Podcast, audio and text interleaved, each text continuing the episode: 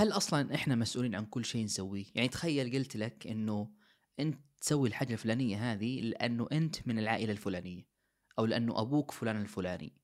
يعني في شيء بالوراثة كذا مرتبط فكل ما تقوم به له علاقة بعائلتك، له علاقة بوراثتك، له علاقة بأجدادك.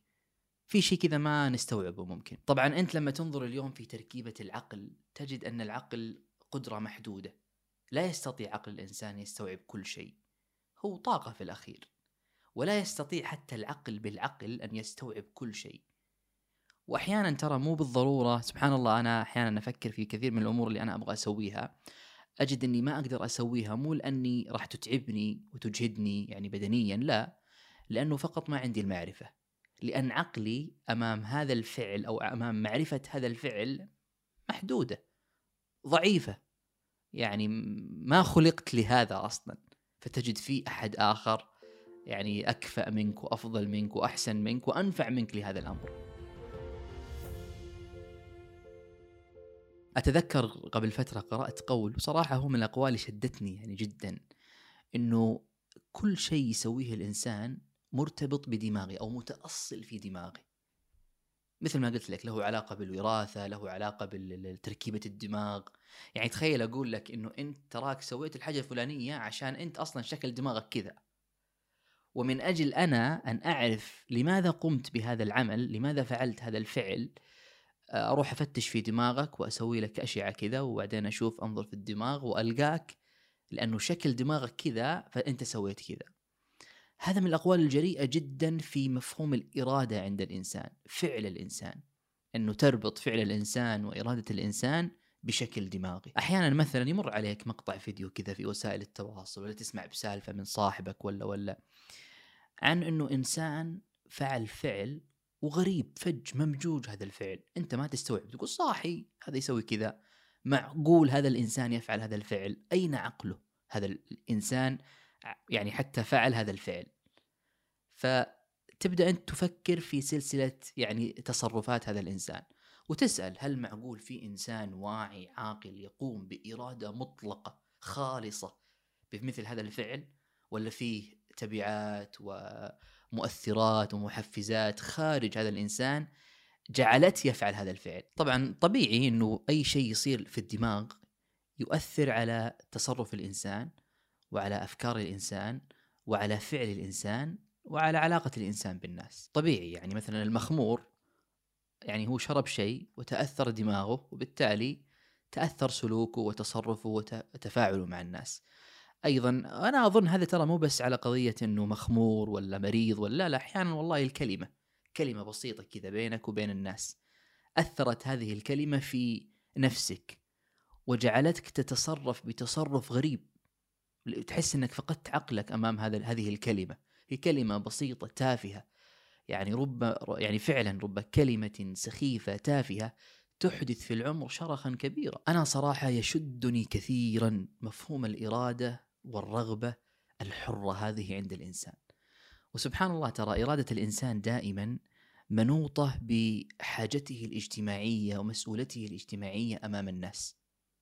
يعني الإنسان إذا عرف في الأخير إنه هو كائن اجتماعي يعيش في منظومة بين الناس يتصرف تباعا بأخلاق وبمبادئ وبعلم ويعني كأنه يحافظ على نفسه الأخلاقية إن صحت العبارة على ذاته الأخلاقية أمام الناس، لذلك تجد مثلا كثير من المبادئ والقيم والأخلاق تعلمناها أصلا آه، في ضمن مجتمع.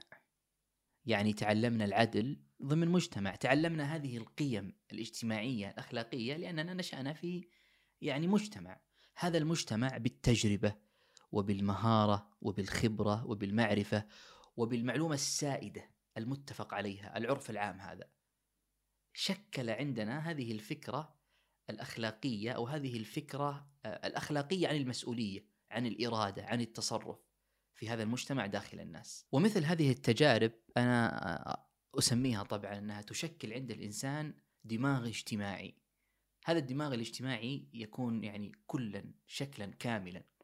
يعني كأن كل إنسان داخل هذا المجتمع يكون عنده شيء من هذا الدماغ الاجتماعي يتصرف به على المعنى الشائع والمقبول والأخلاقي في هذا المجتمع الذي يعيش فيه فنتفق تلقانا مثلا بهذا الدماغ الاجتماعي أو استنادا على هذا الدماغ الاجتماعي على أن هذا التصرف تصرف مقبول أو أن هذا التصرف تصرف شاذ أو أن هذا الفعل فعل مكره ترى ما نقبله لأنه دماغنا الاجتماعي هذا جعلنا لا نطيقه نكرهه نمجه فبالتالي تجد أي أحد داخل هذا المجتمع يفكر بهذا الدماغ الاجتماعي ينفر عن هذا الفعل. لذلك قد تجد كثير من التجارب أو كثير من اختيارات الإنسان هي قد تكون اختيارات بمحض إرادته.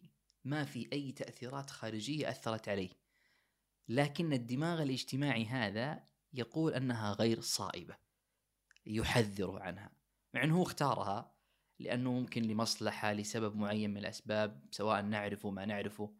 لكن تجد أن دماغنا الاجتماعي قد يقول أنه ترى والله أنت اخترت الحاجة الفلانية أنا أعرف أنها برغبتك يعني وأنت ما حد يعني آه، أجبرك عليها.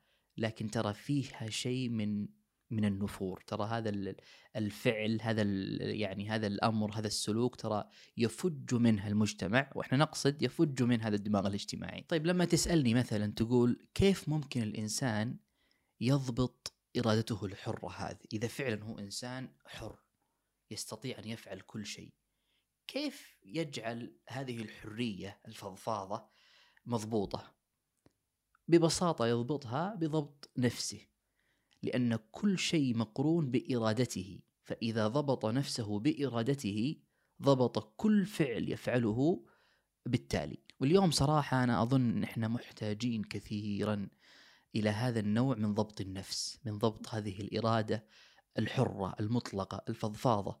طبعا بناية على هذا الدماغ الاجتماعي على هذا العرف السائد بين الناس. لأنه هذا صراحة إحنا في الأخير ناس اجتماعيين كائنات اجتماعية نعيش في فضاء اجتماعي. فإذا كل إنسان ضبط نفسه باستناده على هذا العرف السائد بين الناس يعني حسنت تعاملاتنا مع الناس صرنا ناس كويسين مع بعضنا. وكل إنسان ترى في الأخير هو آه عمل فني. فعلا ترى كل إنسان هو عمل فني. يتشكل بالتنشئة بالتربية ثم بعد ذلك بالعلم بالمدرسة بالدراسة. ثم بعد ذلك بالتجربة والخبرة. وكل هذه المسارات تشكل له نضجا اجتماعيا عقلا اجتماعيا يعيش به بين الناس. مثل ما يقول أرسطو بعد ذلك يحصل على الحكمة. الحكمة التي تجعله واعيا آه، مثقفا آه، المعيا ذكيا نابغة في مجتمعه الذي يكون فيه. لذلك الحكماء مثلا ربطوا تحضر الناس بضبطهم لأخلاقهم الحره هذه الفضفاضة، الإنسان هو كائن في الأخير يستطيع أن يفعل كل شيء بإرادته الحرة بمحض إرادته. لكنه إذا ضبط هذه الإرادة الحرة وجعل حياته قائمة على هذا المبدأ ضبط أخلاقه وتأثر سلوكه وتأثر تعامله مع الناس، أصبح إنسان متحضر يعني متمدن بالمعنى الحديث، فأخلاقه هذه التي ضبطها بضبطه لإرادته الحرة جعلته يميز بين الخير والشر بين الحق والباطل بين ما ينفر منه الناس وما يحبه الناس بدلا من تتبع رغباته وشهواته. كانت مثلا ما يقول إن لم أكن حرا في اختياراتي من ذا يلومني إذا انحرفت؟ وما دامت أخلاق الناس تقوم على إرادتهم المطلقة لكل شيء يفعلونه فهم بالتالي مسؤولين عن أي شيء يفعلونه. يعني أصلا يكون منظرنا اعتباطي جدا إذا قلت لك ترى أنت أسأت لي لأنك أنت من العائلة الفلانية. أو تراك أحسنت إلى فلان لأن شكل دماغك كذا يعني.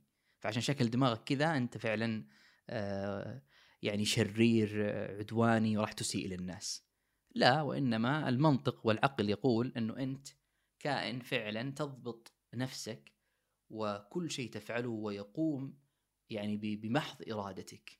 لذلك حتى سبحان الله مفهوم ترى يعني مفهوم الجزاء والعقاب هو من المفاهيم الرائعة جدا التي تهذب سلوك الإنسان. ولأنه إذا قلت لك الحين أنا كافأتك على الحاجة الفلانية أنت تتحفز تبغى تسوي أكثر من شيء. حتى إرادتك المستقبلية تتحفز لأنك تبغى تسوي شيء. أو إذا قلت لك انتبه ترى إذا سويت الحاجة الفلانية بعاقبك. إرادتك المستقبلية هذه تتأثر وتضبط بالتالي إرادتك المطلقة وما عاد تسوي حاجة. وبغير هذا المعيار الأخلاقي معيار إنه أنت تستطيع أن تضبط نفسك يصبح كل فعل نفعله اعتباطي وغير أخلاقي حتى وربما يكون مسيء للناس. والإنسان الإنسان الطبيعي اللي مثلي مثلك يعني والله ما أدري الناس يشوفوننا طبيعيين ولا لا لكن الإنسان الطبيعي هو مسؤول أمام نفسه قبل أن يكون مسؤولا أمام الناس عن فعله وتصرفه وأخلاقه التي يعني يعيش بها في آه، يعني في في في مجتمعه. الله سبحانه وتعالى في القرآن مثلا يقول: ولا تكسب كل نفس إلا عليها وفي موضع آخر يقول: لمن شاء منكم أن يستقيم، بمعنى أن الإنسان ليس مجبرا على فعل ما يفعله، ما يفعله دائما يكون بإرادته الحرة. لكن إرادته الحرة هذه هي التي تحدد مصيره وقبوله ورفضه في هذا المجتمع وأمام نفسه وأمام الناس وربما أمام الله.